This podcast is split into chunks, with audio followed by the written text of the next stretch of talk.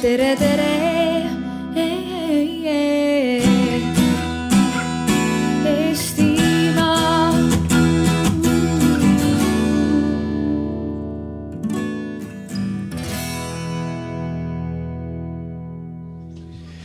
Tere kõik.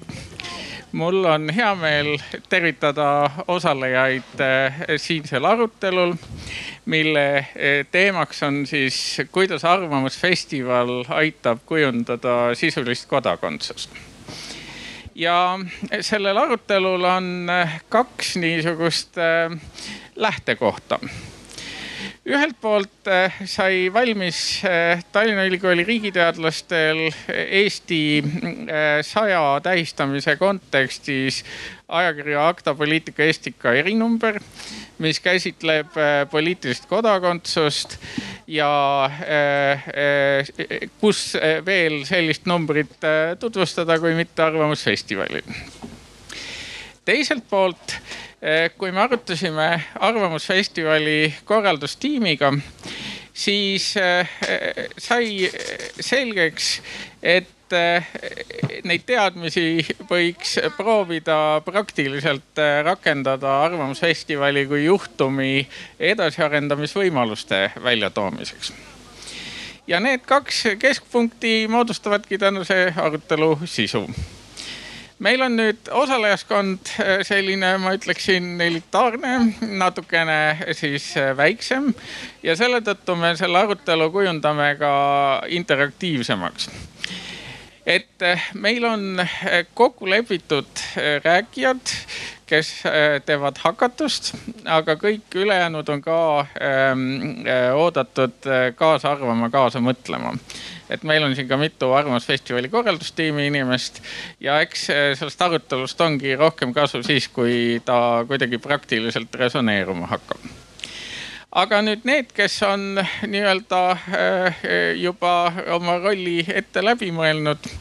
kõigepealt olen siis mina, Leif Kalev, Tallinna Ülikooli riigiteooria professor Eh, lisaks on siin eh, minu kõrval Raivo Vettik, Tallinna Ülikooli võrdleva poliitika professor.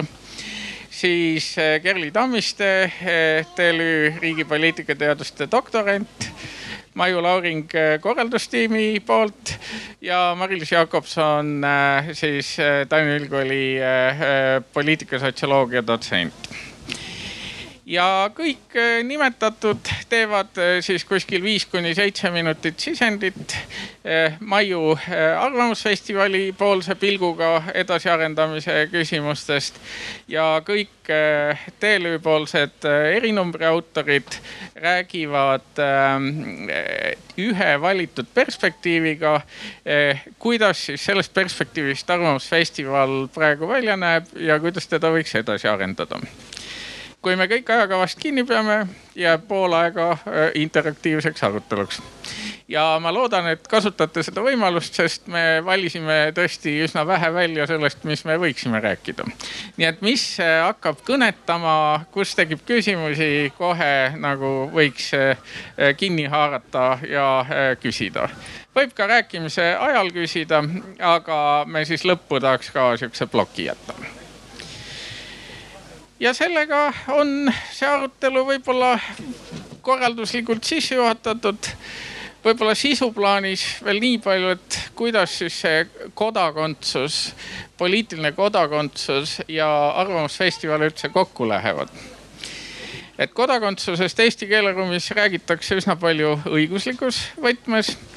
arvamusfestival on niisugune ikkagi vabade mõtete ja mõttevahetuse koht meie eh, käsitlesime kodakondsust nii nagu läänemaailma riigi ja ühiskonnateadustes seda tavaliselt tehakse.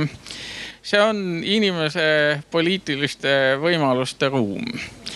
ja see tähendab, et eh, poliitiline kodakondsus on midagi, mis saab kasvada, kahaneda sõltumata reeglitest sõltuvalt sellest, kui palju inimesed ise seda tõsiselt võtavad, kasutada oskavad ja tahavad. Ja palju selleks on kanaleid. Ja Arvamusfestival on ju üks suurepärane kanal, et seda sisulist kodaniku subjektsust edendada ka poliitilises võtmes. ja nii need kaks asja kokku lähevadki aga liigume nüüd äh, sammu edasi ja võtame sellise praktilise konteksti ka juurde. ja võib-olla Maiu siit äh, jätkabki ja räägib natuke, mis äh, korraldusmeeskonnal praegusel ajal on ja ka vahepealsel ajal on olnud sellised mõttekohad, valikukohad, nii edasi. palun. jah, aitäh. tere ka minu poolt. ja Ehm, pean tunnistama, et mul on juba üks küsimus valmis, mida ma teilt tahan küsida, see on see küsimus, mida meilt kogu aeg küsitakse. jätan teile siis natukene selle äh, nuputamiseks, et, et mis see võiks küll olla. aga, aga Arvamusfestivali äh, poolt siis äh, tõesti, et ähm, ma arvan, me oleme esimesest aastast alates olnud sellise ähm, mõtteviisiga ja tegutsemise viisiga, et me äh, kuulame ja vaatame, et mida meist tahetakse põhimõtteliselt, et, et, et mis kasu meist võiks olla ähm,. kuidas me võiksime Eesti inimesele ähm, ja sealt edasi äh, meie organisatsioonidele, meie, ma ei tea, poliitikale, ühiskonnale mingitki kasu või väärtust äh, luua, et mis see meie nišike või rollike võiks olla. ja mm, ja me oleme, ma arvan, me kogu aeg äh, kuidagi pendeldame seal vahel, et, et me oleme mõnikord kindlamad ja tasakaalukamad, rahulikumad, et jah, et me tegelemegi ju kultuurinähtusega, arutelukultuuriga, suhtluskultuuriga, et meie missiooni järgi me arendame Eesti arutelu suhtluskultuuri, mis võtabki noh, et seal mingigi täkke või mingi jäljeke jätta või, või mingi suunamuutus anda. see võtab aega ja see on loomulik loomulik. aga selles äh, kiires muutuvas äh, elutempos äh, tahetakse tulemusi kiiremini, nähtavaid, käekatsutavaid muutusi kohe tempokamalt, et siis me aeg-ajalt jälle kahtlustame, et äkki peaks midagi kiiremini juhtuma ja kas me ei ole siis hakkama saanud. et ma arvan, me niimoodi seal pendeldama, et aga üha ähm, kindlamaks oma selles äh, iseloomus oleme muutunud, et, äh, et jah, et me võimegi tegelikult rahulikult äh, võtta. et me teadlikult igal aastal teeme midagi edasi, midagi paremaks, lisame mingi aspekti ja, ja näiteks niimoodi selle mõtteviisiga olemegi jõudnud selle selguseni, et me tegelikult oleme siin kodanike jaoks, et Eesti noh tavainimeste jaoks, et me ei ole siin äh, poliitikute jaoks, me ei ole siin meedia jaoks. Äh, me oleme tavalise kodaniku jaoks ja tänavu me siis eriti seda rõhutame, et tuues nii selle demokraatia teema äh, nagu konteksti rohkem nähtavaks ja, ja julgustades ähm, inimesi rohkem arutlema, kaasa rääkima neid arutelukohti on siin rohkem tänavu, kus sa saad siis oma neid ettepanekuid ja lahendusi esitada. et, ähm, et just, et inimene tunneks siin rohkem oma selle aktiivse või ta näeks siin ära, et tal on see aktiivne osalemise võimalus ja ta seda kasutaks. me püüame inimesi nügida kasutama neid võimalusi, mis neil tegelikult juba on olemas, mis on loodud. oma arvamust avaldada, oma meelsust avaldada, mm, küsida, osaleda, aktiivne olla ehm, et selles mõttes äh, jah, et meie see, see on meie see põhi nagu muutuste teekond olnud, et ma arvan, me oleme seda pidanud otsima kuus aastat, aga, aga nüüd on nagu kuidagi see selgemaks saanud. ja see on äh, midagi, mis meid eristab tegelikult teistest demokraatiafestivalidest, mis teistes riikides on. et seal äh, see neid kuidagi üllatab, et me niimoodi hästi kuidagi kodaniku aktiivsusele fokusseerime. et seal on natuke teistsugune vaade, eks ole, et need või noh, seal on ka see poliitiline kultuur ja taust on teistsugune. et, et seal ei ole vaja kodanikke nii palju veenda või julgustada, et ja, et sa oled oluline, jah, see, mida sa arvad, mida sa soovid. Äh,, väljenda seda siin, et selleks on kusagil koht ja aeg ja ruum ja sul on need kaasamõtlejad. Mm, seda julgustust pole enam vaja teha. Siis on ilmselt see, see sellise arutelufestivali mudel ka teine.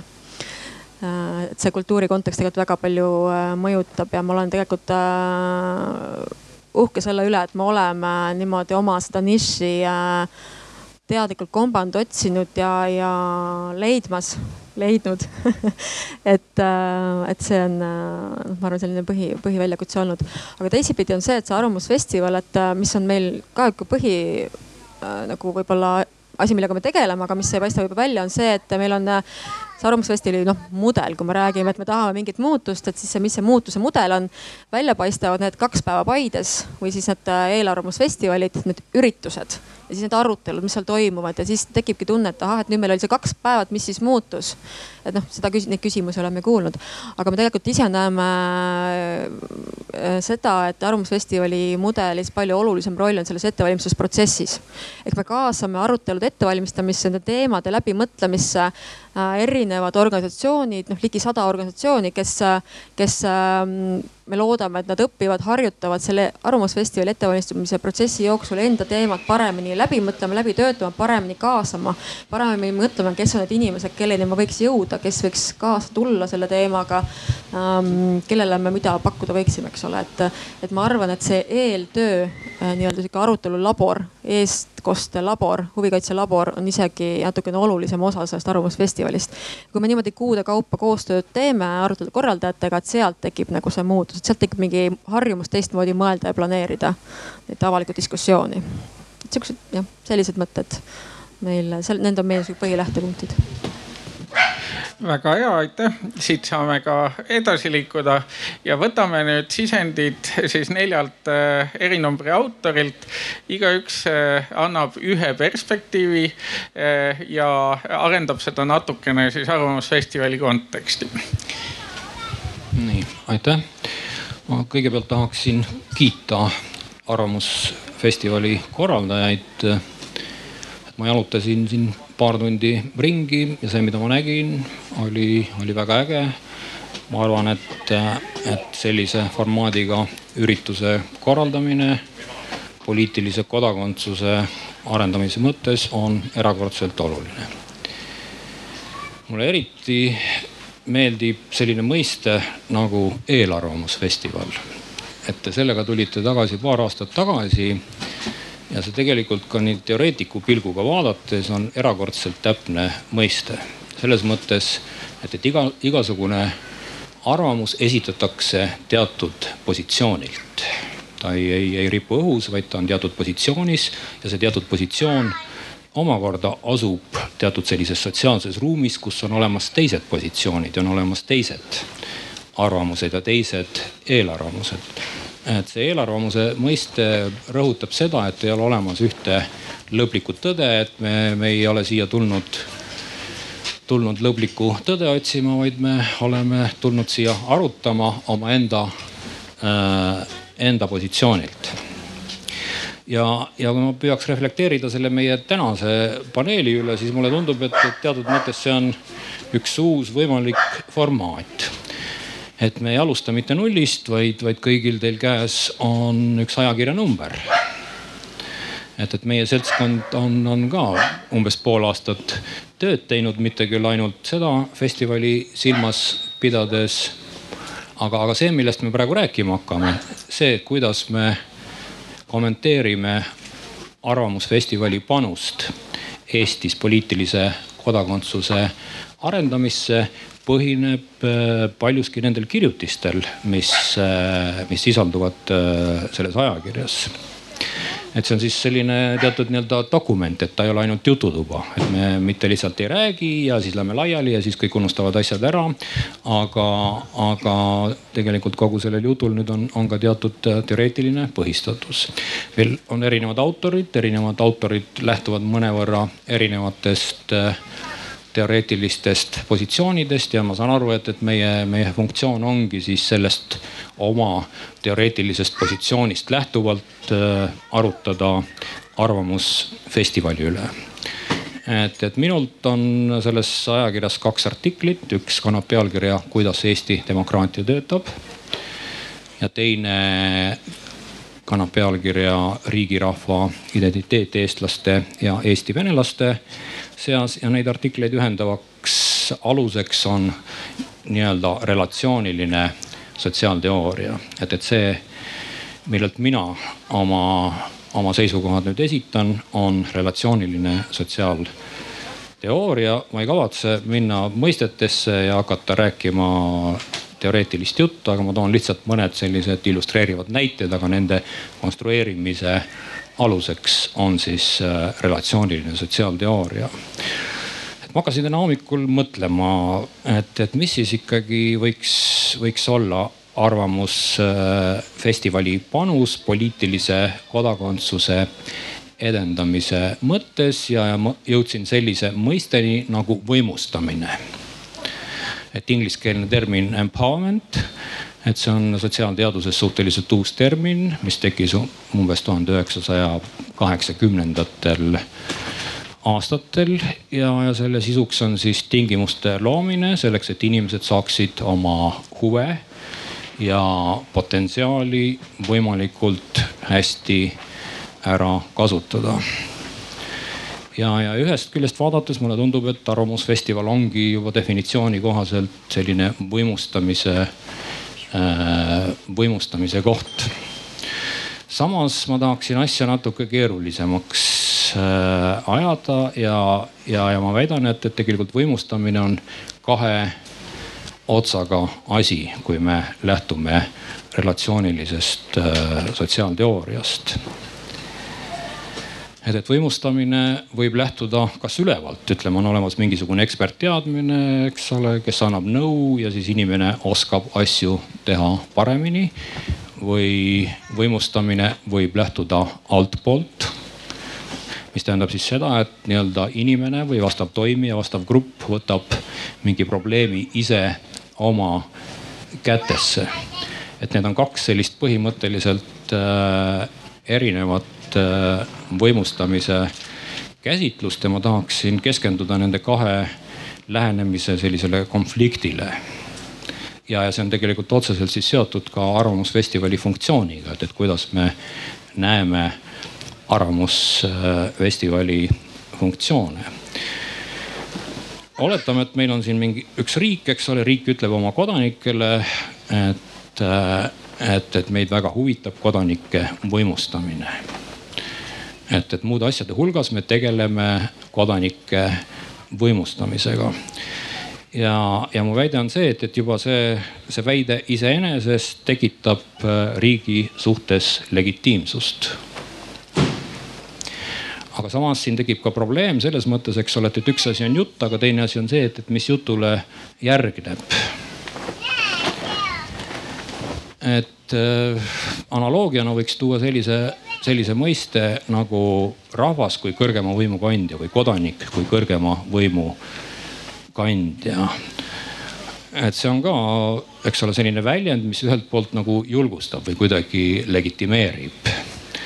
aga teiselt poolt Äh, see väide tegelikult ka varjab midagi, et, et kõrge, see, see, see väide kuidagi tekitab, äh, tekitab tunde, et, et kõrgem võim on mingi sellise ühtse seisukoha kandja ja, ja ta jätab, jätab kuidagi tahaplaanile, et tegelikult ühiskonnas, riigis on, on väga erinevad seisukohad, mis on omavahel äh, vahel konfliktis. ja kui me ütleme, et, et rahvas on kõrgema võimu kandja, siis me jätame varju selle, et, et mismoodi need erinevate toimijate konfliktid lahendatakse. et, et, et analoogne probleem tekib ka tegelikult siis äh, Arvamusfestivali puhul.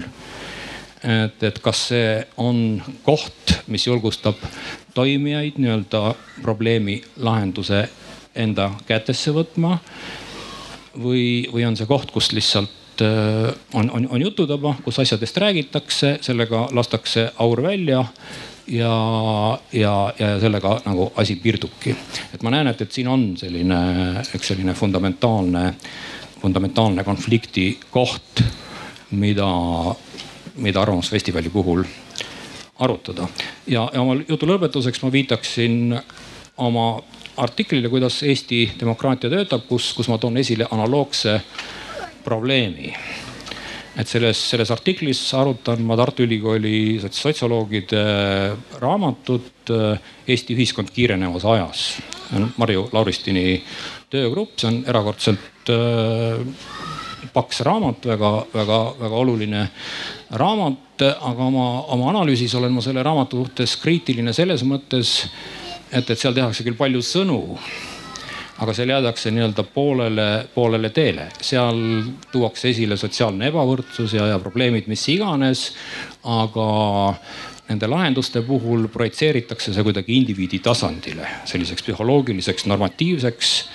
et ei, ei viidata sotsiaalsele väljale, sotsiaalse välja, sotsiaalsetele hierarhiatele, kust need äh, sotsiaalsed äh, probleemid äh, tekivad et see, see on relatsioonilise sotsiaalteooria selline põhisõnum, et, et kui me mingist konkreetsest üksikprobleemist näe, räägime, siis me peame asetama selle laiemasse sellisesse konteksti, hierarhilise sotsiaalse välja konteksti, kus erinevatel subjekti positsioonidel on erinevad huvid ja, ja kes üritavad siis oma huvi nii-öelda teisele, teisele peale suruda. et, et see lihtsalt on, kuidas, kuidas ühiskond töötab nii, kuidas sellest nii-öelda oma huvi, oma seisukoha, oma eelarvamuse teisele pealesurumisest jõuda sellisele järgmisele tasandile, kus meil on mingi, mingi ühisosa, et, et see on, see on selline võtmeküsimus. aitäh ja eh, kui Raivo rääkis niisugusest aruteluvälja disainimisest, siis eh, mina valisin oma artiklist eh, välja poliitika sisu perspektiivi. Praeguse aja riigiteadus küllalt palju tegeleb sellega, et poliitika valitsemine on läänemaailmas teisenenud ja mõneti me oleme jõudnud olukorda, kus selline ütleme, et demokraatia püstihoidmine, ühiste huvide väljendamine ei olegi enam väga kellegi asi. Poliitikutel on üha rohkem huvi eh, pigem nagu häälte ja tagasivalimise kindlustamise vastu, see viitab rohkem suhtlemisele, meediatööle ametnikud eh, suudetakse tehnokraatlikult tööle panna ja seal nagu alternatiive väga ei ole, oluline on efektiivsus. Ja selline avaliku arutelu väli kipub meedia kommertsialiseerumisega ka üsna õõnsaks jääma. nüüd eh, sellises olukorras otsitakse ka lahendusi ja Arvamusfestival eh, on üks eh, tüüpilisem eh, lahendus. ta on jah, erinevate aktiivsemate inimeste võimalus kokku tulla ja mõtteid vahetada, ennast ise organiseerida, tekitada mingisuguseid mõtteid, mida siis laiemalt kommunikeerida ka võimutoimijatele nüüd, eh, mis on aga sellise arutelu puhul paratamatu on see, et Arvamusfestival ikkagi jääb veidi elitaarseks äh, ürituseks.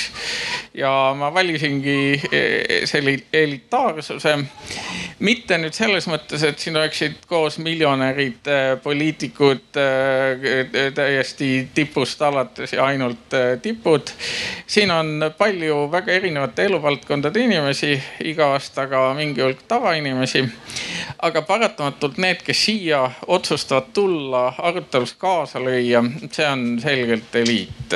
see on kõva valik, et nädalavahetusel perega kuhugi minna versus siis tulla arutama.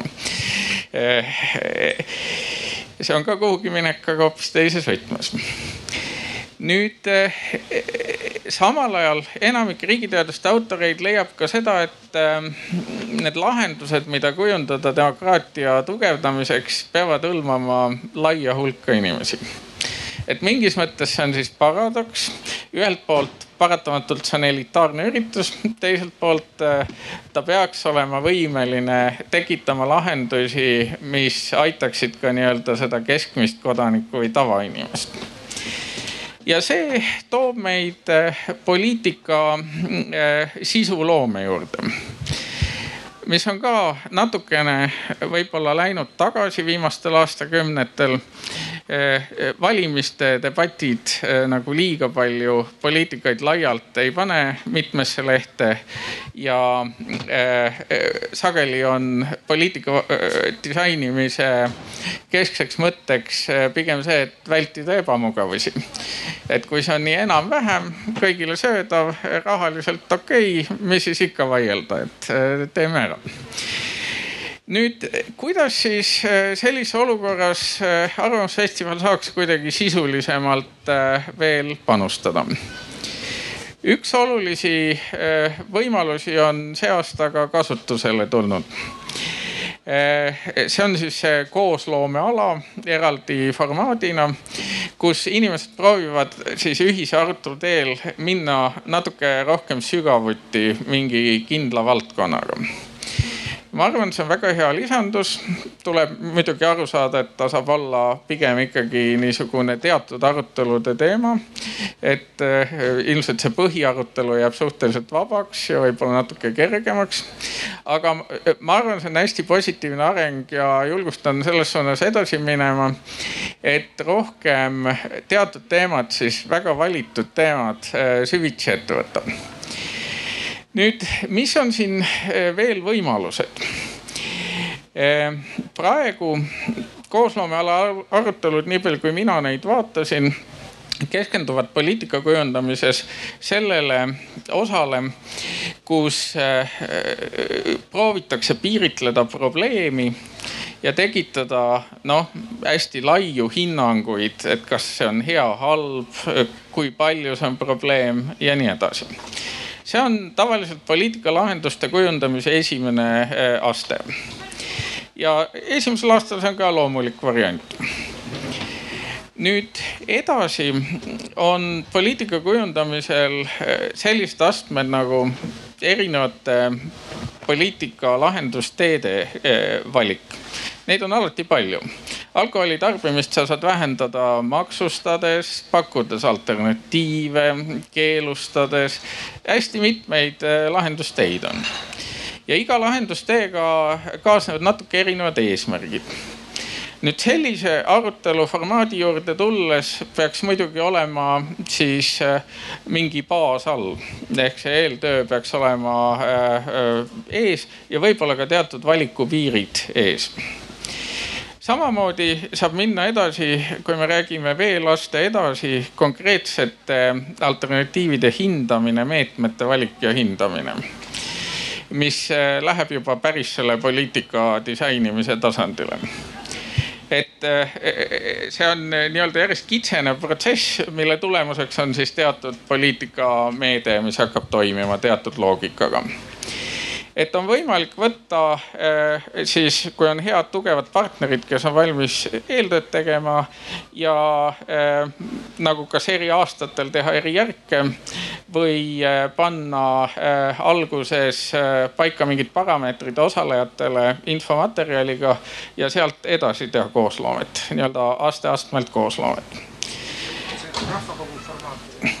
Mingis mõttes küll, aga ilmselt see partner peab äh, ka panema üsna tugeva oma tellimuse sisse ja olema pühendunud, et mm. tema soove peab siis arvestama jah, et ma siin ütlen vahele, et tegelikult järgmisel, äh, tähendab homme, laupäeval Kristi siin ise istub ka, et meil toimub äh, selline päris hea väljakutse täpselt selle, sellise formaadi tegemisel.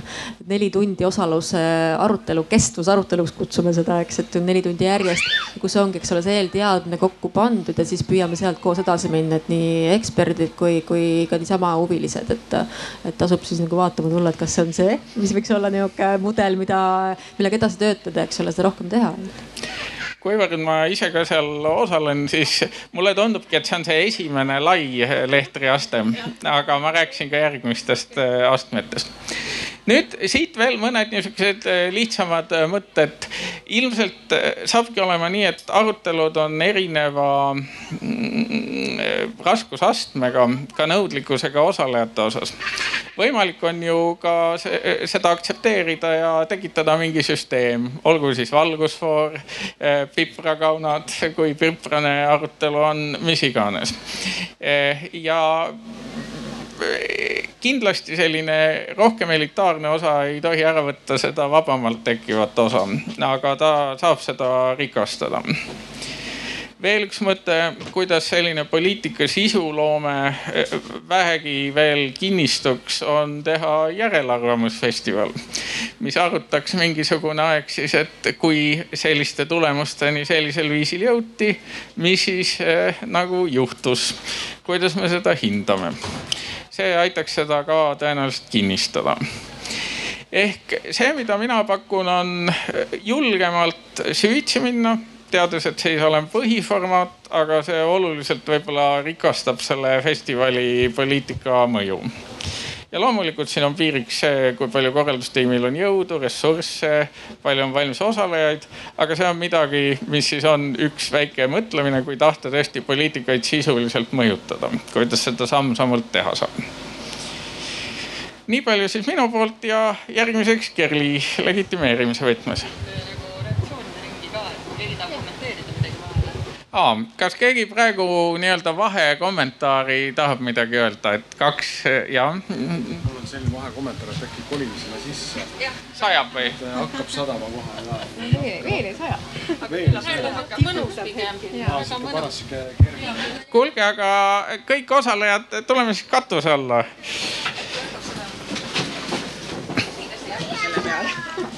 ma arvan ka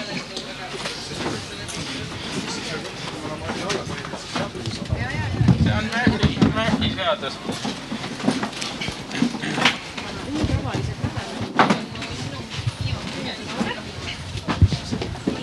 me siin vahepeal kolime varju alla. kõigil on meeles eelmise aasta kõva ja äge festivali lõpp. nii et nii et miski ei suuda meid enam üllatada, aga siiski igaks juhuks varju alla tulge aga julgemalt katuse alla.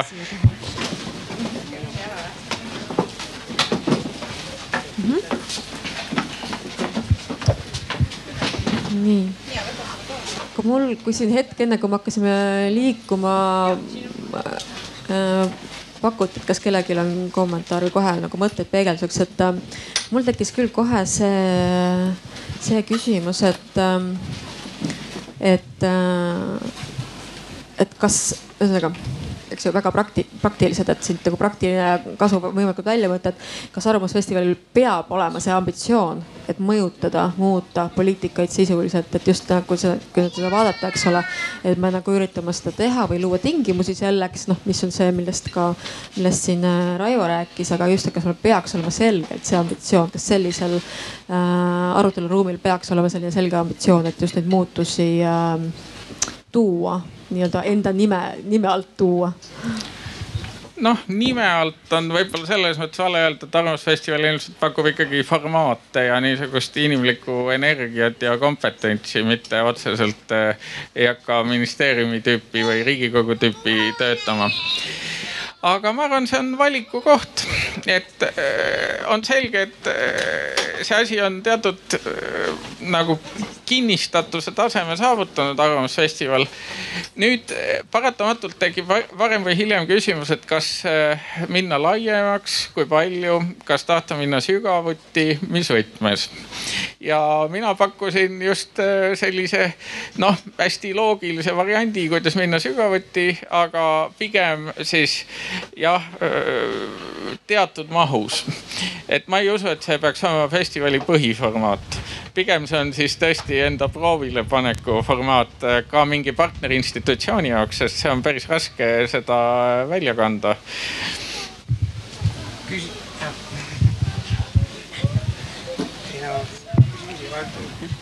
ma kui ma kuulasin sissejuhatust, siis noh, minu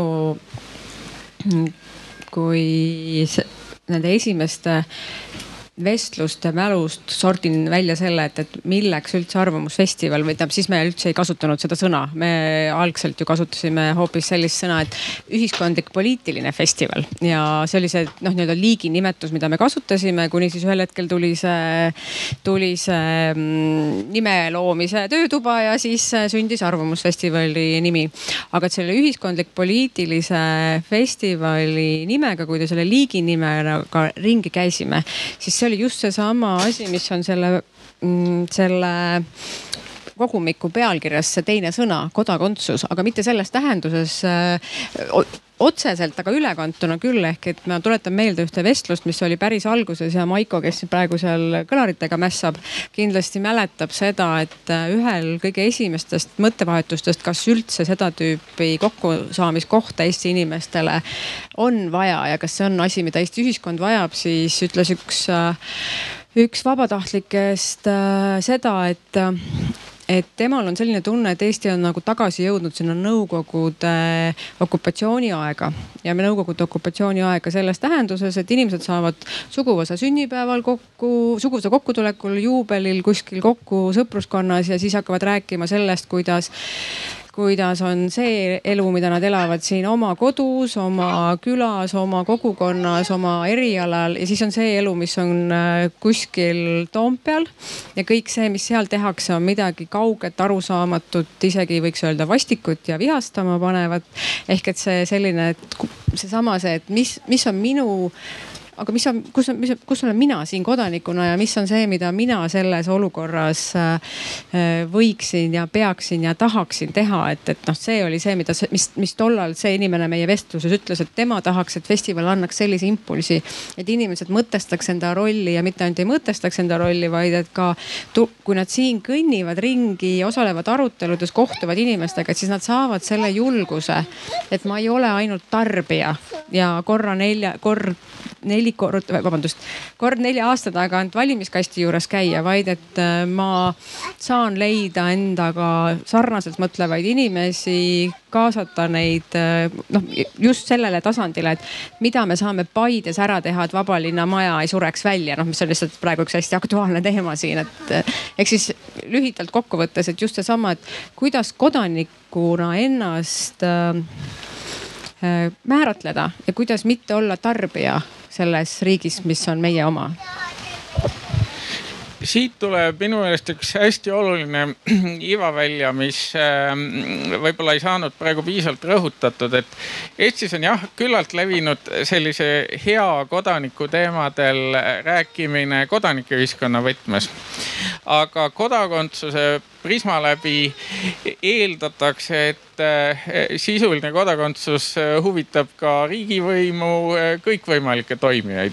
sellepärast niisugune poliitika sisu disainimine noh, on koosloome ka mingi riigiasutusega, kes peab nagu tõsisemalt haakuma siis selle teemaga. et ta jah, suudaks nihutada seda festivali lihtsalt kodanikeühiskonnast ka natuke laiemaks. Juhan tahtis vist no nüüd juba kisume arutelusse, ühel inimesel on nagu oma, oma eh, asjad ütlemata, aga ma tahtsin nagu sedasama ütelda, et, et mis küsimus ongi selles, et mis paneks, eks ole, need institutsioonid seda kodanikualgatust kuulama. Äh, ma just eile vaatasin uudiseid, kuidas äsja prokuratuurilt kahtlustuse saanud Narva volikogu esimees ütleb, et las koerad hauguvad, karavan läheb ikka edasi, eks ole. et kui noh, suhtumine on nii-öelda prokuratuuri ja kahtlustusse selline, siis see haukumine, mis, eks ole, siit kostab, see ei huvita kedagi. Ja kui näiteks Eesti kakssada tuli välja, nad ei tulnud ju parteina, nad tulid manifestina, siis öeldi ka, et noh, tehke partei ja siis hakake oma asja ajama, eks ole, et keegi ei võtnud, et need, need ettepanekud nüüd võiks, on tõesti head ja hakkame tegema, eks. Et, et noh, ma ei tea, kas noh, see rahvaalgatuse institutsiooni disainimine võiks olla midagi sellist, mis, mis annaks väljundi, väljundi siis eh, võimuorganitele või see on jah äh, hea teema, mida võiks lausa pikemalt lahata, et mõneti on hästi loogiline, et äh, ongi parteid erinevad, neil on natuke äh, mitte ainult eri inimesed ja seisukohad, vaid nad proovivad väänata seda tegelikkust ka sobivaks sellega. sellega tuleb osata elada, aga Arvamusfestivali formaat minu arust on samm kõrgemal tasandil.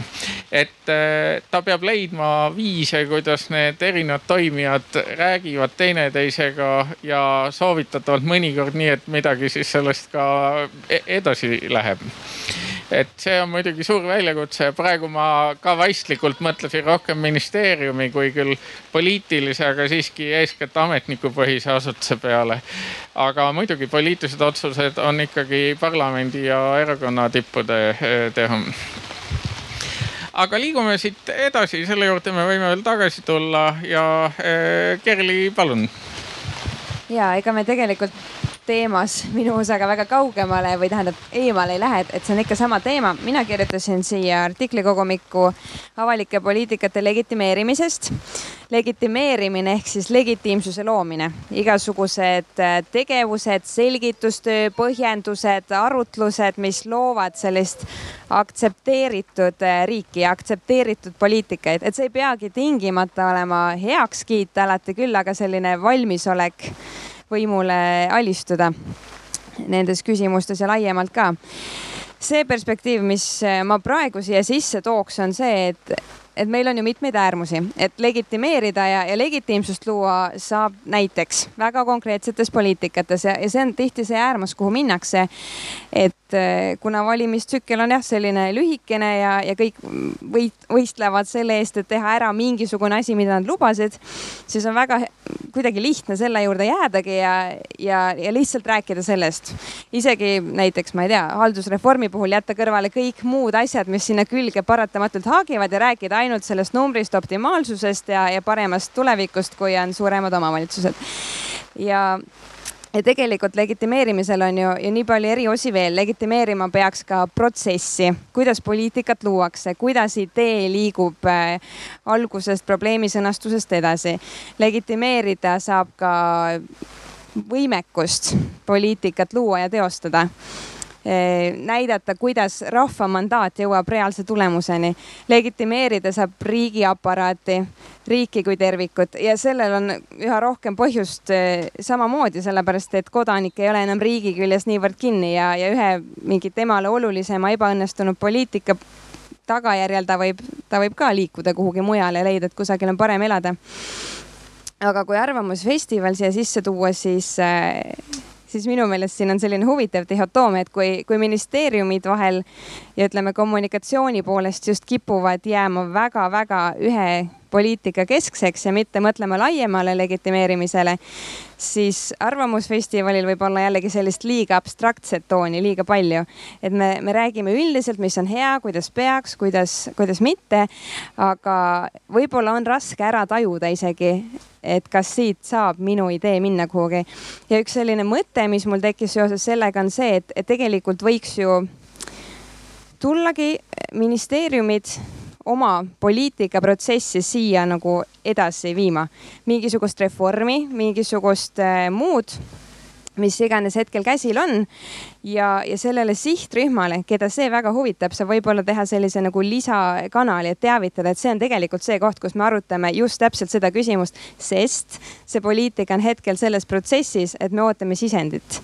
ja, ja see oleks väga konkreetne ja, ja samas äh, legitimeerimisel on ka erinevaid variante, et, et üks asi on tõesti otsida see subjekt üles ja, ja ekstra nagu sihistada neile.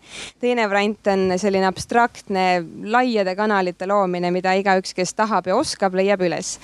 ja, ja siis keskne variant veel, mida kirjanduses tuuakse, on selline performatiivne on võib-olla natuke selline raske tõlge, aga, aga ütleme, et siis selle õige nagu seotud sihtgrupi leidmine et vajalike inimeste kaasamine, aga mitte liiga suure sihtrühma kaasamine. et ma arvan, et selles mõttes Arvamusfestival on väga hea foorum, see on juba loodud ja selles mõttes see ambitsioon võiks olla, et siis ei oleks vaja hakata ministeeriumil tegema jälle üle-eestilist ringkäiku, et ajada kokku neid inimesi, kes tõenäoliselt võib-olla ei saa tulla, sest et, et siin nad juba käivad või noh, et inimestel on ka sellist ajalist ressurssi vähe, aga, aga kui see oleks seda foorumit saaks kasutada nii, et, et me tuleme, arutame siin seda poliitikat, mis hetkel on poole peal, siis see võiks olla üks variant.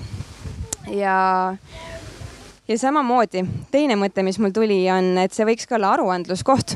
Et võtame teema, mis siis näiteks võtame selle poliitika, mis eelmine kord siin arutati, mis oli reaalselt loomes ja nüüd aasta hiljem räägime, mis me tegime sellega. kuidas need ideed, mis siin näiteks üles protokolliti, kuidas need on arenenud ja, ja palju parem on inimesel kuulda kasvõi seda, et tema idee on mitte arvestatud argumenteeritud põhjustel, kui see, et sa ei ole üldse kuhugi jõudnud. et kui ta on nagu läbi menetlusprotsessi käinud ja ei olnud mõistlik, no siis ei olnud, aga, aga see kaasamise tunne tekib ikka, kui, kui sul on kusagil kooskõlastustabelis sinu idee olemas. Ja ma saan aru, et üldiselt äh, ma tegin intervjuusid sel teemal ametnikega oma ühe töö raames ja, ja nad ütlesid ka, et ebakonstruktiivne kaasamine on, on suur hirm ja loomulikult on suur hirm, sest et kõik tuleb läbi menetleda, mida sa sisse lubad, aga, aga samas äh, ma leian, et Arvamusfestival võiks olla selline sihistatud hea foorum mis on juba loodud, aga, aga sellel võiks olla see ambitsioon olla väga konkreetne. ja, ja just see aruandluspool tuli hästi selgelt välja ka, et, et legitiimsuse loomisel seda oodatakse. et siis ta legitimeeriks ka seda protsessi, mitte ainult see, et kas tulemus oli hea, vaid kuidas siis äh, täpselt see, mis enne välja toodi, et me saaks aru, et see ei ole ainult Toompea et, et kuidas see idee liikus seal vahepeal, mis aastaga on juhtunud, kas üldse aastaga midagi tehti ja, ja kuidas edasi. Et ta oleks selline nagu ajaline sihuke kestlik asi. ma arvan, esialgu ma sellega eh, lõpetaks enda mõtted nii et perspektiivis on eh, võimalik isegi, et ministeeriumid hakkaksid siia konkureerima eh, ja te valite, keda ja mida võtta. esialgu vajab see muidugi sissetöötamist, aga nüüd on Mari-Liisi kord, tema on meil viimane sisendi andja. ma ei tea, kas keegi tahab vahepeal reageerida millelegi? Võtame paari kaupa, meil Raivoga oli ka. Okay olite paaris rakend? nii, tere, mina olen Mari-Liis Jakobson, mina kirjutasin sellesse kogumikku natukene võib-olla ärarippuval teemal, et ma kirjutasin äh, rohkem selles vaates, et kodakondsus ei pea seostuma ainult äh, ühe riigiga, ütleme, et me ei pea rääkima ainult Eesti või sihukestest rahvusriigi kodanikest, vaid et kodakondsus võib olla ka hargmaine ehk siis inimene võib olla seotud rohkem kui ühe riigiga ja tema elu võib olla seotud rohkem kui ühe riigiga. Ja siis kodakondsuse perspektiivist on küsimus, et kuidas ta noh, ütleme poliitiliselt suudab äh, nagu angažeeruda mitme riigiga või kus ja kellega siis neid oma elu probleeme arutada, et kui sinu noh, elu tegelikult sõltub nagu mitmest riigist korraga, et kus sa siis üldse kaasatud saad ja nii edasi. ja samuti ma kirjutasin natukene sellest, mis asi on rahvusjärgne kodakondsus või postnatsionaalne sellise ingliskeelse terminina mis siis puudutab kõiki neid kodakondsusvaldkondi, kus noh, räägitakse palju ka maailma kodakondsusest juba või siis üldse nii-öelda ütleme lahti rahvustatud äh, sellisest kodakondsusest, et kus see nagu riigi või rahvuspiirid ei ole enam absoluutselt olulised, nagu ütleme sihuke keskkondlik kodakondsus näiteks, see, et me oleme kõik selle planeedi maa kodanikud ja, ja ütleme, meil on ka selle suhtes nii-öelda oma kohustused ja õigused ja sihuke kodanikuaktiivsus või, või seksuaalne kodakondsus on näiteks olemas, mis puudutab inimeste seksuaalseid õigusi ja õigus oma kehaga midagi teha või midagi mitte teha kultuuriline kodakondsus ja nii edasi, mis samuti ei, ei haagi tingimata sihukese rahvusriigi piiridega ja no see tähendab seda, et ma ei äh, ole siin väga ette valmistanud selliseid konkreetseid näpunäiteid, et mis tüüpi arutelu nüüd nagu konkreetselt tegema äh, peaks hakkama. aga ma vaatasin natukene sellesama pilguga Arvamusfestivali kava. et äh, ütleme, mis sellisel noh, geograafilisel tasandil ütleme enamik neid arutelusid nagu äh, noh, et mis tasandit ta käsitleb ja, ja tõtt-öelda noh, ma ei tea, kas see on nüüd üllatav või ei ole üllatav, aga, aga ikkagi hästi-hästi konkreetselt on seesama sihuke Eesti fookus, et ma ei tea, kas see on see Tere, tere Eestimaa mis nagu, eks ole, sihukese Arvamusfestivali hümnina juba nagu sihukest noh, nii-öelda fookust loob. aga, aga ikkagi hästi palju on nagu seda tüüpi küsimusi, et mida meie siin Eestis saame ära teha või mida saab Eesti riik ära teha. et sel aastal on muidugi päris noh, ütleme võib-olla ka tahtlik sihuke nagu fookuse muutus, natukene on see Baltimaade fookus. Põhjala fookus on vist alati olnud Arvamusfestivali programmis, niikaua kui mina mäletan. Äh, aga, aga pigem ta kipub olema ikkagi selline, et mida teie oma riigis teete ja mida meie oma riigis teeme. et sellist nagu globaalse kodaniku formaati või fookust äh, on noh, nagu natukene vähem näha. mis ilmselt natukene räägib ka sellest, eks ole, kuidas äh, ma ei tea, ma ei taha öelda, mis arengujärgus, aga lihtsalt, et mis on nagu prioriteetne Eesti kodanikuühiskonna jaoks ja kuidas me nagu, kuidas me mingisuguseid äh, protsesse näeme. no vot ähm,. Leif palus muidugi, et ma natukene reflekteeriksin siin selle äh, nii-öelda horisontaalse kodakondsuse või siukse nagu arutleva demokraatia lõikes ka natukene selle Arvamusfestivali teema üle. et ja siin, kui, kui nüüd püüda teha soovitusi, siis minul liikus mõte nagu hoopis pendli teise äärde ja, ja noh, see ei pruugi olla isegi probleem otseselt. et äh, ma täna kirjutasin ERR-i äh, päevakommentaari ka, ei oota, praegu mina räägin. Või sina pead ka midagi ütlema, ütle tere. ütle tere. Tere, tere. ei tule praegu, no ma räägin siis edasi, tere Eestimaa just täpselt.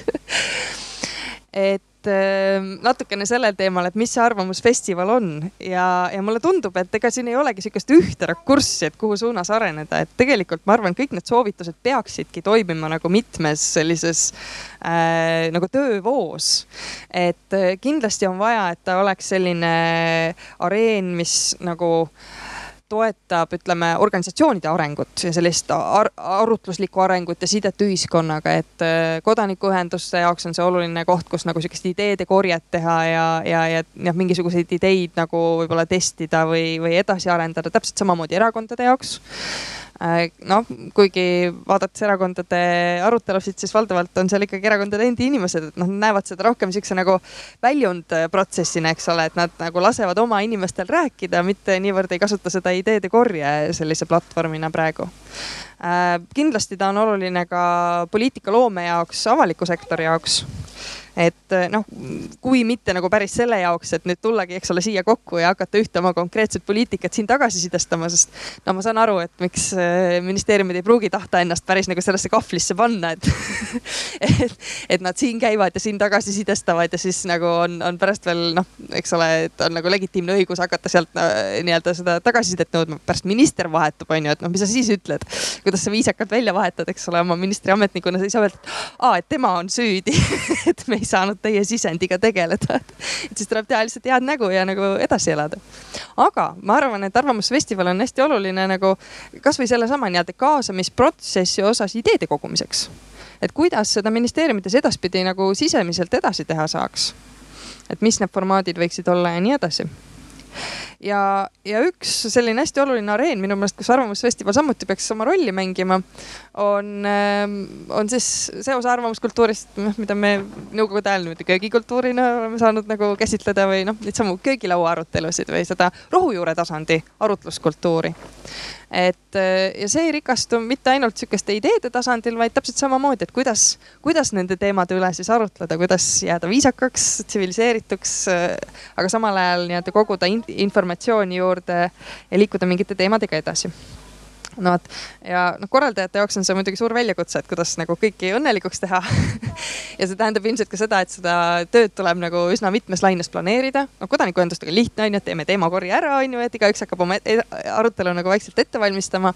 aga, aga teiste kihtidega võib olla natuke keerulisem ja ausalt öelda, kui ma mõtlesin sellesama kodakondsuse perspektiivi peale ja Arvamusfestivali peale, siis siis mul tekkis võib-olla ka oma isiklikust positsioonist lähtuvalt hoopis nagu teistpidi mõte või, või, või sihuke ettepanek või soovitus, et, et sageli siia aruteludele tulles ma, ma tunnen, et ma olen pandud nii-öelda, et ma olen pandud eksperdi positsiooni, eks ole, et ma tulen, mind on kutsutud siia sellepärast, et, eks ole, ma olen seda teemat uurinud või, või midagi muud sellist. ja, ja noh, kuna ta on ka avalik üritus, meedia liigub siin üsna aktiivselt ja, ja noh, niimoodi eh, vilkalt ja tähelepanelikult ringi, et siis ma ka tulen siia esitama eksperdi positsiooni, mitte niivõrd kodaniku positsiooni et võib-olla üks asi on ka mõelda selle peale, kuidas see esinejate ringi kodaniku positsioon nagu saab avalduda või ei saa avalduda ja noh, siin mul hakkas mõte jooksma isegi kahes suunas, et üks on võib-olla tõesti see, et lisaks sellistele nagu institutsionaliseeritud aruteludele kuidagi nagu soodustada selliste noh, kui meil on sõna rokk, et siis nagu sõna punkrock bändide teket, et mis nagu tekiks natukene äh, spontaansemalt kui võib-olla selline, eks ole, veebruarikuus välja pakutud teema ja siis selle pealt edasiminek, vaid pigem noh, teema, mis praegusel hetkel on aktuaalne. õudselt hea näide on just seesama kella keeramine. no see on ilmselt teema, millel on igal igalühel on mingisugune oma arvamus, et, et kuidas teha. aga veebruaris noh, enamik inimesi ei tulnud selle peale et, et nüüd oleks nagu hästi oluline hetk kella keeramist arutada. et seda sihukest punkroki formaati nagu proovida kuidagi ellu tõsta. ja mis puudutab siis seda sihukest eksperdi positsiooni, et et siin mul hakkas imponeerima selline nähtus nagu Chatham House Rules. Et äh, see on noh, ütleme selline paneeli formaat, kus põhimõte on selline, et kõigest, mida on paneelis räägitud, võib edasi rääkida, aga ei, siis ei, ei ole lubatud mainida seda, et kes seda ütles ja kus seda ütles ja, ja võib-olla nagu sellise nii-öelda noh, teatud paneelide kontekstis millegi sellise kasutamine võiks nagu anda ka sellele arutelule nagu sihukest uut lendu juurde või võimalust noh, ütleme inimestel ka rohkem kodaniku perspektiivist mingisuguseid teemasid käsitleda. Äh, kui me räägime ametnikest, kui me räägime noh, ütleme nagu teatud kitsaste teemade ekspertidest ja nii edasi nii, aga nüüd, äh, nüüd ma annan sõna edasi nii, et eh, nagu ikka eh, akadeemilised inimesed, ideid on meil erinevaid ja Mari-Liisil minu arust hästi sümpaatne on see, et kui teha seda nagu lihtsamale inimesele, see ei pea olema alati, et rohkem süüa ja mingit nagu pidu, vaid võib-olla ka tõesti arutelu kuidagi kaasahaaramine mingi tehnikaga. aga ilmselt see on jälle selline niši teema, et üks on süvanišš, teine on sihuke nagu tõesti sõnaroki nišš, põhiarutelu formaat jääb ilmselt ikka paika. nüüd me oleme jõudnud äh, sinnamaale, et me saaks võtta väga erinevaid mõttearendusi. kes on kuulanud, äh, kohe võib siis mikrofoni saada ja arutame. ma tahaksin vastu vaielda Mari-Liisile see chat, Chatham House asi et eks ole, et ikkagi selle festivali mõte on ju inimesed kokku tuua ja, ja rääkida nii-öelda avalikult. Chatham House on anonüümne et, et siin noh, tekib teatud ikkagi konflikt, et üks on anonüümne ja on, ütleme selliste teemade puhul, mis on võib-olla sellised delikaatsed ja, ja kuidagi tekitavad mingeid pingeid või mis iganes ja siis on sihuke reegel kehtestatud. aga eks ole, siin on ju avatud ruum, siia võib praegu igaüks nagu juurde tulla, et isegi kui me omavahel lepime kokku, eks ole, siin nurga taga keegi kuulab ja siis see reegel, reegel ei kehti. mul lihtsalt tekkis selline võib-olla samal teemal jätkaks, et, ähm, et jah, et see on huvitav ma arvan, meile see väl-, korraldajate poole pealt see väljakutse on meile siis see, et ongi, et kui me näeme, et siin ongi võimalus areneda või arendada erinevaid nii-öelda nišše. et ongi, mille, minna edasi selle koosloomealaga, minna edasi selle, kasvõi selle aruandluse, aruandlusala, mul hakkas kohe, tekkis nagu pähe sihukene äh, termin. et, äh, et sellesama, eks ole, selle sõna punkrockiga, et ja, ja et et, et noh, see väljakutse ongi, et aga kuidas me siis neid valikuid teeme, ainult see, mis Raivo sõnavõtust või, või vasturepliigist äh, kumas välja, oligi see, et aga samas on mingi tunnetus taustal, eks ole, et vot see ei ole Arvamusfestivali ilgelt ilmselt see õige valik, et noh. et ongi, et siis kuidas sa neid nagu valikuid teed, et just see Chatham House rule, et, et, et, et vot see, et ei, see siitmaalt läheks juba konflikti, aga samas see, kui sa need erinevad nišid kokku on ju, et noh, et, et mis seal ei läheks omavahel konflikti ja mis ma hetkest nagu kuidagi kaotaks selle noh, läheks liiga kui ma ütlengi, et kui me siin püüame nagu sellest abstraktsusest minna nagu konkreetsemaks on ju, et, et kus me siis ikkagi äh, selle piiri tõmbame, et samas teistel demokraatiafestivalidel on küll ja küll selliseid äh, suletud kutsetega äh, nii äh,, nii äh, šampuse pokaali kokkuloomise, löömise üritusi, eks ole, kui, kui ka arutelusid, et äh,, et selles mõttes äh, jah, et me oleme noh mõelnud, eks ole, et kas see kuidagi mingis, mingil kujul Arvamusfestivalile sobiks, aga, aga noh, et siit saime selle nagu tagasipeegelduse või vihje, et noh, et võib-olla tõesti, et ka väljapoole tundub, et võib-olla siin on mingi konflikt on ju, et noh. et ühesõnaga tead, see väljakutse ongi, et kuidas sa siis neid erinevaid nišše nii-öelda nagu äh, arendad ja kas siis nagu kas see ongi siis nagu okei okay,, et meil tuleb neid nii-öelda erinevaid äh, süütsi minemisi, laiali minemisi nagu samaaegselt, et kas see ongi see arvamusfestival või peaks neist ühe valima? ma arvan, noh, see on ilmselt see nagu kuidagi küsimus on ju mul küll tundub, et, et see, mida Mari-Liis ütles ennem, et, et see on, noh, see on mingis mõttes äh, vältimatu, paratamatu olemuslik osa, et nii nagu ühiskond on mitmekesine kõigi nende erinevate värvide ja kirju-mirjuga, samamoodi see kokkusaamiskoht siin. siin võiks olla neid kohti, kus tõesti inimesed saavad rääkida sedasi, et ei ole seda võimalust viidata, aga, aga noh, need on ikkagi siis sellised, nagu ma ütlesin, konkreetse teemaga, konkreetse eesmärgiga, konkreetse, konkreetse inimeste ringiga tehtavad asjad, aga jällegi tagasi tulles selle minu mõtte esi, esimesena välja öeldud mõtte juurde, mis kunagi siis, kui see vabatahtlike kamp hakkas mõtlema seda tüüpi kokkusaamiskoha peale, siis oli see, et, et kuidas tuua kokku need inimesed, kes muidu oma erialal noh, teevad seda kitsamat äh, kaasamis, koosloome, mõttetööd, kelle ametikoht kohustab seda tegema, nende inimestega risti-põiki igasuguste elualade vahelt, üle ja alt.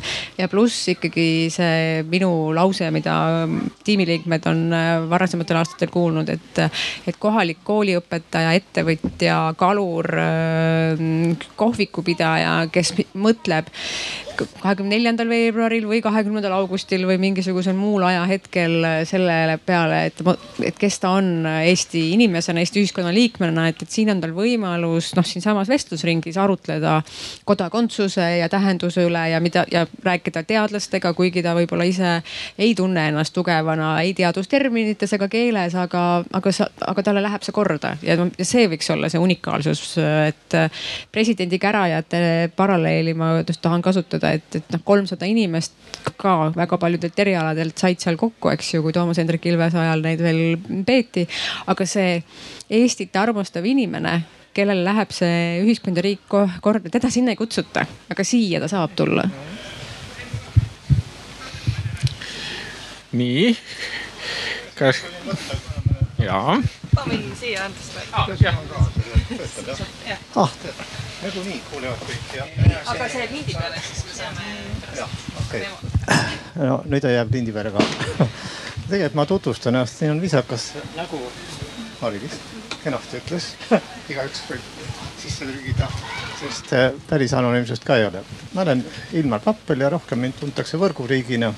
ma olen ühe Eesti suurima partei asutaja ja, ja võib-olla ka juba viisteist aastat tagasi hakkasin üles ehitama seda riiki, mida te kõik nüüd võrguriigiks nimetate. nüüd mul pole vaja sellega tegeleda enam nii palju. Eh, ma käisin ringi ja vaatasin, kus kohal on sisukamad vestlused, kus kohal on vähem sisukad vestlused, eh, kes mida arvas ja ma võin öelda, et eh, teie tööl on hea tulemus selles mõttes et äh, üks võib-olla kõige kvaliteetsemaid äh, selliseid äh, noh, paneele oli õigusriigi oma. no seal oli hea kvaliteet, seal oli riigikohus, seal oli kriminaalkohtunik, kohtunik oli kohal, seal oli advokaat kohal. mul on olnud ka kriminaalkohtunikuna raskete kuritegude eest kahjuks tulnud ka väga pikaks ajaks mõningaid inimesi saata, ühiskonnast eemaldada. mul oli selle jälgimine kahtlemata huvitav, need ajad on möödas Äh, nagu siin kenasti öeldud, mitmesugused inimesed võivad siia tulla. majahoidjad ja, ja pensionärid ja, ja, ja kõik muud see on õigus. ja ma nägin seal, ma neid tagasisidena annan selle väikse repliigi. Äh, selles väga evodeeritud, väga kvalifitseeritud paneelis arutati väga põhjalikult, mis asi on õigus, mis asi on õiglus, mis asi on tõde. Tammsaar toodi, Tammsaare toodi ka mängu. kas vaidlev kohtumenetlus on sobilik või mitte, kas seal selgub tõde, kas peab kasutama Ameerika süsteemi, kas peab kasutama Suurbritannia süsteemi võrreldes meie kohtusüsteemiga, see oli mulle kõik küllaltki tuttav. ja see arutelu oli pealtnäha väga kvaliteetne selles mõttes, et seal olid kvaliteetsed esinejad paneelis. ja ma ütleksin, kõige kvaliteetsem selle loo juures oli see, üks kusagilt taganurgast üks kodanik tõusis püsti ja tahtis esitada oma küsimust. ja ta esitas oma küsimuse ühe oma juhtumi kohta. ja ma ei hakka ütlema, mis selle küsimuse sisu oli. aga selle ta tahtis teada, me tegelikult see testis ära kohtusüsteemi võimekuse mingis mõttes, võib-olla teised ei saanud seal publiku hulgas sellest aru. ja vastus jäi Riigikohtu tsiviilkolleegiumi kohtunikule. ja ta osutus võimetuks seda teistmoodi argumenteerima, kui et aga kahjuks me ei saa seda siin sellepärast paika panna, et meil on liiga vähe kohtunikke. sinnamaani oli teooria, sinnamaani oli arutelu, kõik oli sisuline, aga me ei saa lahendada neid asju sellepärast, et meil on kohtunikke vähe. vaadake, see läks selle paneeli teemast või lasi tegelikult selle ilusa arutelu, ilusa jutu, lasi otsekohe põhja. tähendab, tegelikult oli seal auk see oli õiguslik auk, mida tuli tegelikult lahendada ja selle lahendas ära seesama tagantreast tõusnud sihuke tagasihoidlik naismees, kes oma ühe viieteistaastase kohtus, aga ühe etapi tõi sinna, polnud tähtis missuguse, tõi sinna peale ja kogu see ilus jutt, väga kvaliteetne jutt. vot see on selle arutelu näiteks üks asjaolusid. see andis, võib-olla andis Riigikohtule seal impulssi. ma ei arva ka, et siin väga palju ministeeriumitel tuleb mingeid toredaid impulsse, ma olen selleks ministeeriumite maailmaga küllalt kaua ja küllalt põhjalikult tuttav. ma arvan, et see on huvitav viis muidugi osalemiseks, see osalemine on ka tore asi, aga see võimaldab just nimelt tuua neid elulisi külge tegelikult elu on palju mitmekesisem, kui see ilus arutelu või toredad teooriad ütlevad. ja see võimaldab selle äh, lagedal tuua. ma pärast ütleksin veel, et teine sisuline väga hea paneel, suhteliselt hea paneel oli teadusala. ma olen ka selles maailmas üksjagu tegutsenud ja sellepärast oli see mulle tuttav ja huvitav ja jällegi see asi kestis kenasti ja kaua arutati, kas tselluloositehase puhul on ikka need uuringud enne vajalikud või pärast vajalikud, kas kolm ülikooli talitsesid ikka õigesti, rektorid andsid oma arvamuse taga. ja siis tõusis jällegi päris lõpus, tõusis üks niisugune, ma ei tahaksin öelda vanamehe naist, tõusis sealt kusagilt püsti ja küsis, et aga kas Rail Balticu asja ikka teadlased uurivad või ei uuri ja selle peale jäid kõik nõutud sealt paneelid seisma ja, ja, ja ei vastanud talle mitte midagi lihtsalt. pärast ma talle ütlesin, et küsimus oli valesti formuleeritud, mitte see, kas teadlased eh, seda uurivad, vaid miks nad seda ei uuri. see on keskkonna tegemist on poliitilise probleemiga. ja nüüd kolmas asi, mis ma öelda tahan sinna juurde, on see, et kellele seda paneeli tegelikult võib-olla, äh, seda arvamusesti võib-olla on vaja. vaadake, on olemas üks kolmandik Eesti rahvast, kes ei käi valimistel.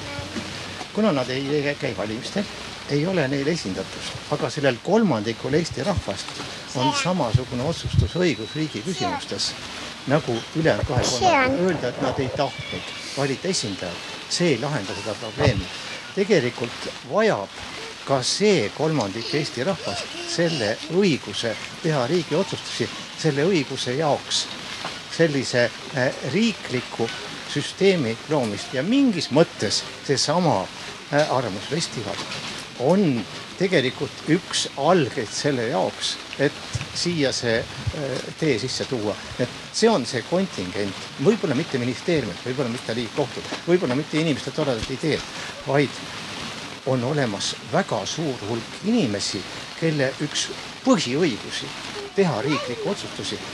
Olgu sellepärast, et nad ei usalda parteisid, okei okay,, ma olen ka suure partei teinud, ma tean, miks võib-olla ei usalda, aga miks nad seda ei kasuta, see tähendab seda, et nad jätavad selle otsustusõiguse endale olema. Ja selles ühiskonnas, kus võrguriik võimaldab juba hoopis teistsugusel viisil talitada kui varem valimiste korras pikad asjad, võiks seda asja kaaluda.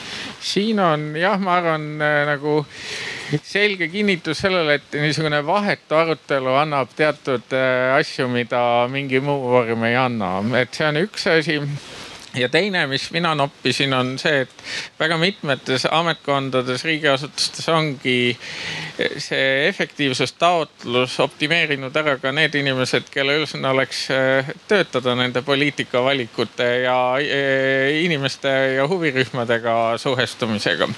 et eh, jah, kohati avalik sektor on raskustes selle sisendi võtmisega kvaliteetsel moel mul tekkis äh, selline mõte sinu äh, välja toodud äh, näidete peale, et et siit natukene paistabki välja see, et, ähm, et me natukene nagu mängime seda arutlemist ju on ju, et seesama see arutelukultuur, noh, et me nagu püüame luua seda keskkonda, kus me õpiksime arutlema ja seda, see paistabki, eks ole, selliste inimeste puhul välja.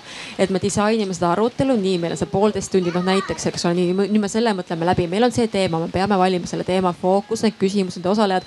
me tegelikult nagu mängime seda arutelukultuuri kui tulevadki sellised ootamatud seigad, eks ole, või mõni ja noh, seotud teema, eks ole, siis sealt paistab välja, et me ei suuda siis enam reageerida või seda lahendada lahendada, siis meil tegelikult ei ole seda päris kultuuri veel sees, eks ole, mida me sellises olukorras teeme või kuidas käitume, et mis on see vastus.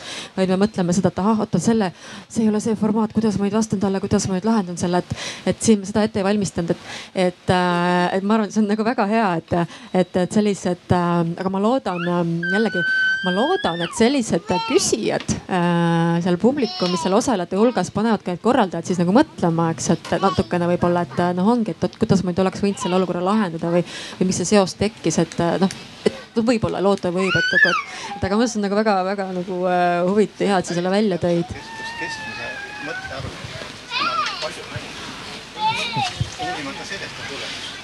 ma võib-olla siit äh, tooksin veel oma pilgu sellele, mis Raivo rääkis natuke praktilisemas võtmes, et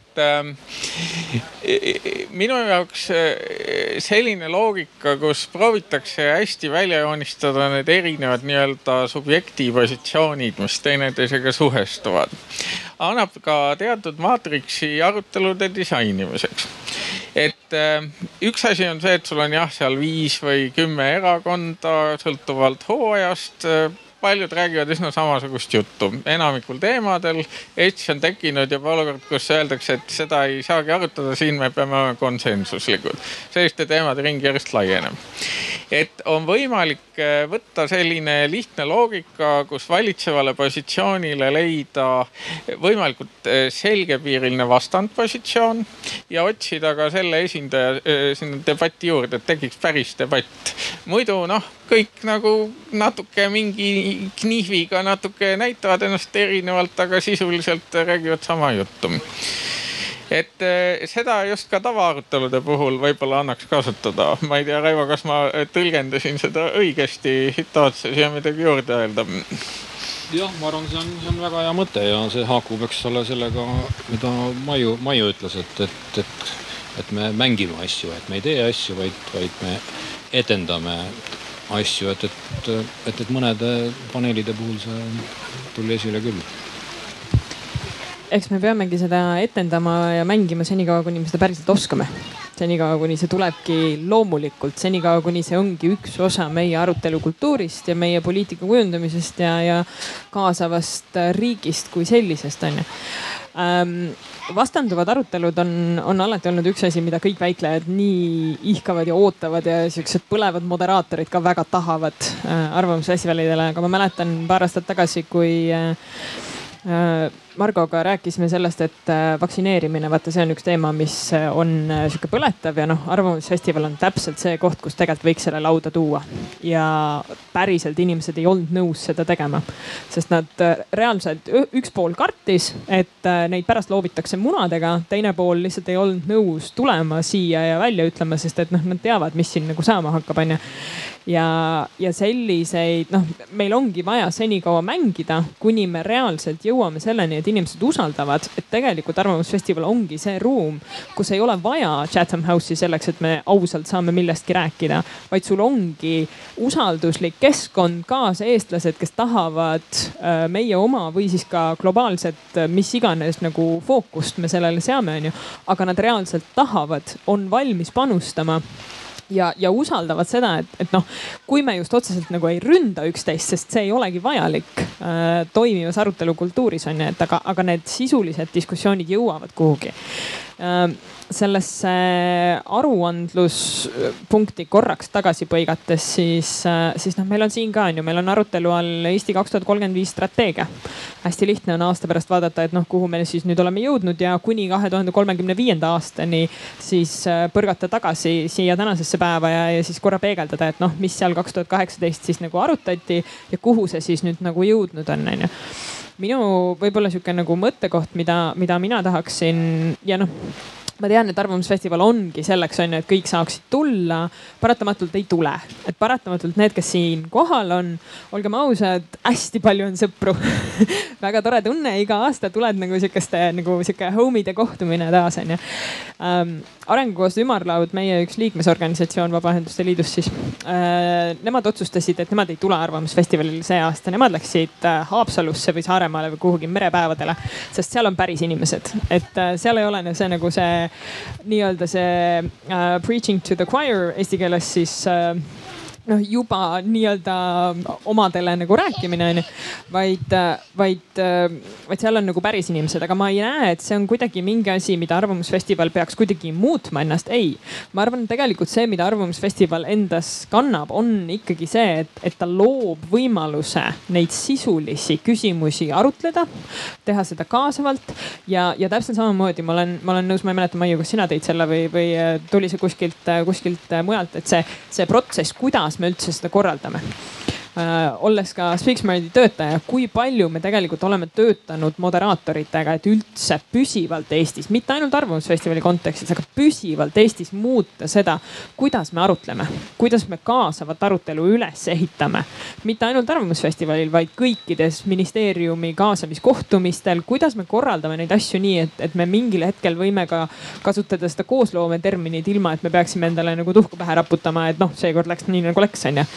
et äh, et see on võib-olla see eesmärk ja ma arvan, et kui me läheme tagasi selle nagu Maiu küsimuseni, mis sul vist see, see on, mida sult alati küsitakse, onju, et mis siis Arvamusfestivali mõju on või kuidas me seda mõju nagu reaalselt nagu saame analüüsida, siis, siis noh, ma ütleksin, et siin tegelikult noh, mitte küll kvantmeetoditele, aga kvalitatiivselt on siukseid asju võimalik analüüsida väga-väga erinevate nurkade alt, need on ka siia praegu lauda tulnud, onju. et äh, et jah, lihtsalt äh, meil ei ole vaja hakata jalgratast leiutama, sest mulle tundub, et see, mis on äh, eelneva kuue aastaga ära tehtud ja, ja kuhu on jõutud, äh, noh, meil ei ole vaja otseselt nagu suunda muuta. eks, eks seda mängu on vaja edasi mängida, aga natukene võib-olla seda analüüsi siia juurde oleks kasulik mõelda küll, et kuidas siis seda reaalselt teha. ma tahaks kommenteerida seda, et läheme sinna, kus on need päris inimesed, et need päris inimesed ongi selles kohas, kus räägitakse neile mm, kordaminevaid äh, kas asju või pakutakse neile kordaminevat elamust. ja see ongi, ma arvan, see koht, et noh, mis on noh, kui arengukoostöö ümarlaua eesmärk on, äh, on just nendele inimestele, kes, äh, kes seal Haapsalus on oma sõnumiga kohale jõuda, siis noh, see on väga relevantne. aga nüüd tagasi tulles selle juurde, et, et kas fake it till you make it või eesti keeles öelda, noh, et, et teeskle nii kaua kaua, kuni lõpuks hakkad ise ka uskuma, mida sa teed. et siis äh, mina, ma, ma kasutaks hoopis teist paralleeli ja, ja suhtluskultuur ja arutelukultuur kui üks osa sellest kultuuri mosaiigipildist on minu jaoks äh, kultuurkiht on siis seal see nüüd see üks asi, mida võiks äh, üle kanda siia sellesse kuudeaastasse ja edasi eesootavasse kuutekümnesse. ja miks ma seda niimoodi ütlen, ütlen seda, et, et noh, iga selle aastaga, iga eelarvamusfestivaliga, iga selle arutelu disainiga, iga selle koostööharjutusega, mida teevad need arutelu korraldajad, kes üheskoos mingi teema siia toovad. et noh, see kasvatab seda huumusekihti kogu aeg, eks ju, jälle uus kompost, eks ju, uued lehed on ju uus, uus selline orgaanika hakkab arenema ja uus protsess läheb käima. ja noh, kui ma mõtlen Taani peale, kus sada tuhat inimest oli sellel sellel aastal äh, nende sarnasel äh, demokraatiafestivalil, et noh, see ongi see, et kus on ühiskond oma kasvujärgus, kus on inimesed selles kohas, kus nad tunnetavad, et kas nad, kas noh, kas see on see asi, kuhu ma kulutan oma aja ja kas on see asi, kust ma midagi ka vastu saan, et mina olen aina rohkem seda meelt, et ma väga ootan seda aega, kui ma saan, saan seitsmekümne viie aastaseks, et siis on festival, festivali sünnist möödas kolmkümmend viis aastat, et noh, siis võiks mõelda, et kas, kas ja mis on kasu ja mis see kultuurkiht on, on ju, sest tegelikult seda tegelikult äh, saab alles siis hinnata, seda ei ole võimalik, ma arvan, teie ühiskonnateadlastena saate päriselt öelda, et kui kaua on võimalik niiviisi samm-sammuliselt areneda, ennem kui mingit tunnetust saab, et midagi teistmoodi on? Et siin tuli nüüd mitu teemat, võib-olla see on minu arust täiesti õige, et normaalsed inimesed on igal pool. et eh, selles mõttes ei maksa leiutada eh, selle arvamusfestivali mingit erilist otsida normaalset inimest tõsi, osa inimesi käib siin sageli, mõned harva, aga kui arutelukultuur eh, areneb ka nende osas, kes harva käivad, siis on ju kõik hästi nüüd see mõju mõõtmine, see on mingis mõttes isegi üle müstifitseeritud, ma arvan. et äh, loomulikult rohkem saab siin kasutada erinevaid kvalitatiivtehnikaid, aga tuleb arvestada, et mõju on paratamatult mitmetes mõõtmetes ja kas kõike ongi vaja mõõta. et selge, et üks mõju, mis on kõigil aruteludel, mis viisakalt tehakse, ongi selle arutelu kultuuri edendamine siis mõni arutelu võib tekitada paremat arusaama teemast. näiteks kui tekitada selline hästi nagu vastandpositsioonide kandjate arutelu, saab erinevad pilgud sinna mõni nagu praegune arutelu tekitab hoopis äh, konsensust või äh, isegi võib-olla innovatsiooni, kui hästi läheb, et mõni uus mõte hakkab kandma. et äh, alati ei pea üldse vastanduv arutelu hea olema. väljundid ongi natukene eri kihtides ja siis see poliitika sisu, selle mõju võib tulla ka päris siis mingite poliitikamuudatuste tasandini või vähemalt arusaamade selguseni, et mis valikud meil on. et kas seda kõike on vaja mõõta, pole kindel, et valite endale olulised äh, mõju äh, mõõtmed või aspektid ja siis neid hindate. et äh, ega siis see on normaalne inimlik tegevus, nii nagu mõni harib põldu ja vaatab, kuidas tal välja tuleb, hindab, mis on talle oluline, kas kõrge vili või palju saaki. see tuleb lihtsalt paika panna ja siis hinnata sobiva tehnikaga. Kerli tahtis ka siin ja siis räägib jah, mul üks mõte oli, et kuidas seda mängu paremini mängida. võib-olla osapoolte võrdsusele aitaks kaasa see, kui ei juhtu nii palju selliseid olukordi, et ekspert paneb lavalt veto peale oma halva argumendiga. et noh, nagu see, see näide oli, et võib-olla võiks olla veel selline võimalus, et kui keegi rahvast tunneb, et ta esitas mingi arvamuse või küsimuse, millele ta sai halva vastuse või ei saanudki vastust või, või sealt pandi meelega arutelu kinni, et tal oleks koht, kuhu see anda edasi. et, et see võib olla mingisugune auk, millega tuleks tegeleda ja mida võtame järgmine kord arutelu alla. et selline jälle kestlikkuse aspekt võib-olla et võib-olla mm, jah, hea mõte jälle, et kuidas sellega edasi minna, aga, aga mina noh, ongi ma oma sotsioloogi hariduse, väikse hariduse taustaga olen seda mm, kuut aastat nagu niimoodi äh, vaadanud kõrvalt ja, ja ma olen märganud seda, et, et isegi kui need sellised halvad situatsioonid juhtuvad, et võib jääda kellelegi nagu kripeldama, et noh, et kuidas nüüd siit, et noh, et nüüd ei saanud midagi edasi, et ta, niimoodi, äh, ma ei tea, kas siis ekspert või moderaator ei kuulanud ära, eks ole, ei andnud äh, nagu vastusele võimalust on ju või mis iganes see hetk on. et ähm, aga ma olen näinud seda, et inimesed äh,, osalejad näevad selle ära Nad tunnevad selle hetke ära, nad tunnevad selle ära, et see mulle ka ei meeldi, et see ei ole okei okay.. ehk et see on juba see nagu õppimise protsess, et see mulle arutelude puhul ei meeldi. juba te varem ei pannudki seda tähele. et aga selles siin ühiselt selles aruteluruumis olles, kui me juba siin oleme niimoodi ühes, tõesti ühes ruumis äh, külg külje kõrval, et siis me tabame selle ära, et mis meile meeldib ja mis meile ei meeldi nende arutelude puhul ja arutlemise puhul. Nendes erinevates rollides ja positsioonides. et, et seda ma olen nagu märganud ja seda ma olen noh, ongi erinevatel aastal tagasisideks nagu äh, öeldud, et oi, et ma polnud selle peale varem mõelnudki, polnud seda märganud. mingis, äh, ma ei tea, teledebatis või kusagil konverentsil, noh sellised asjad ei ole välja tulnud ja siin need mingid hetked avalduvad, mis panevad sind nagu mõtlema, et mis sulle meeldib ja ei meeldi ja kui sa selle nagu enda jaoks läbi töötad, siis see juba on mingi järgmine samm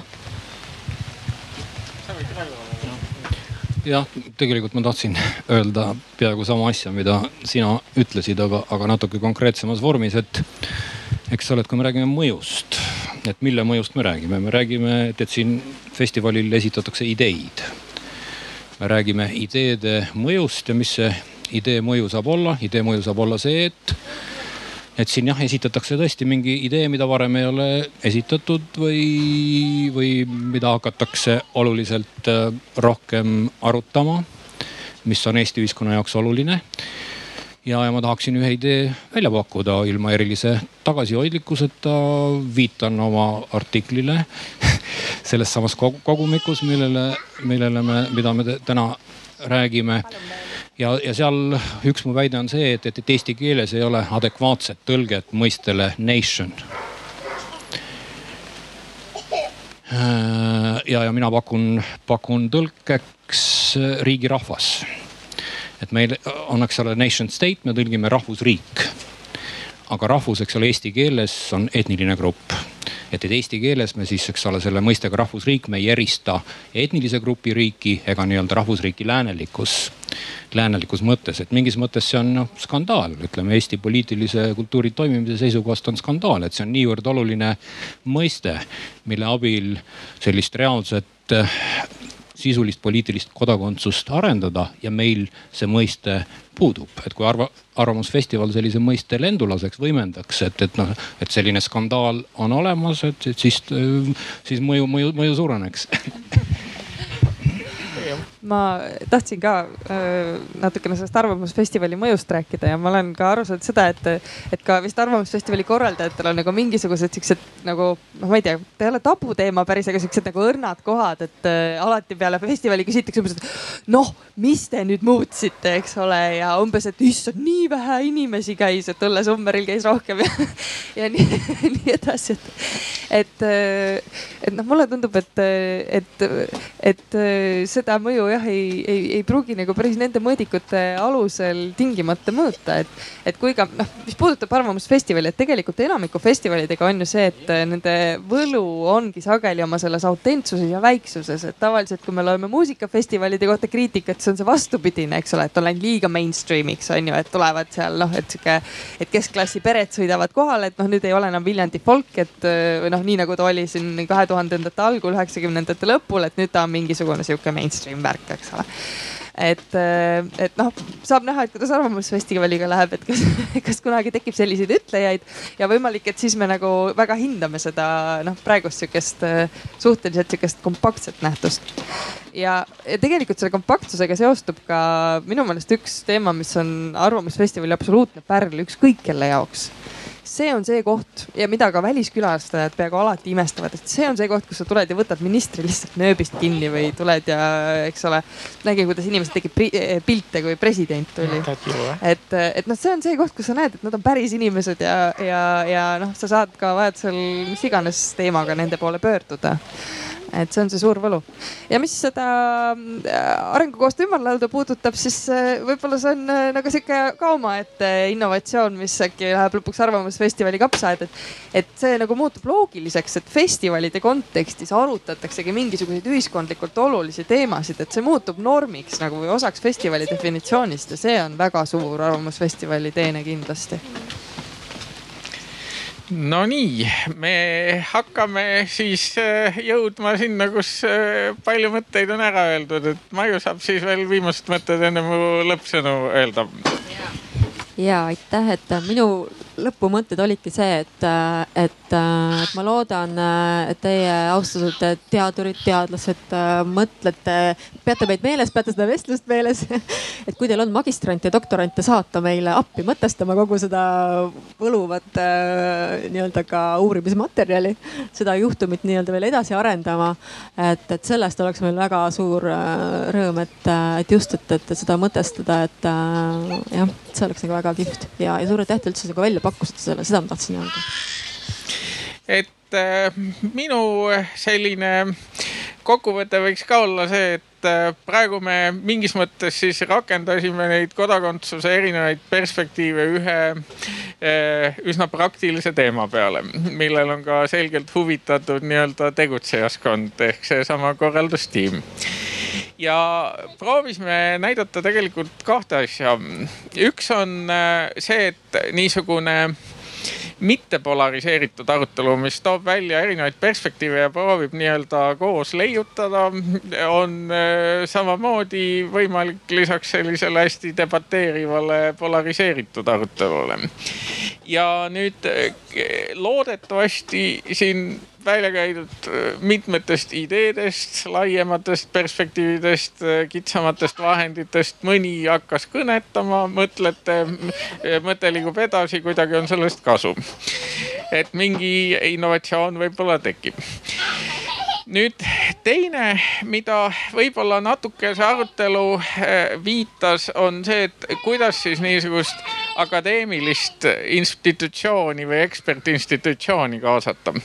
et meil on äh, reeglina hulk teadmist, vähemalt suurematel ülikoolidel kõikvõimalikes küsimustes ja see teadmine ei haaku nagu võib-olla üksüheselt kohe mingisuguse tehnilise valdkonnaga, aga on sinna ülekantav.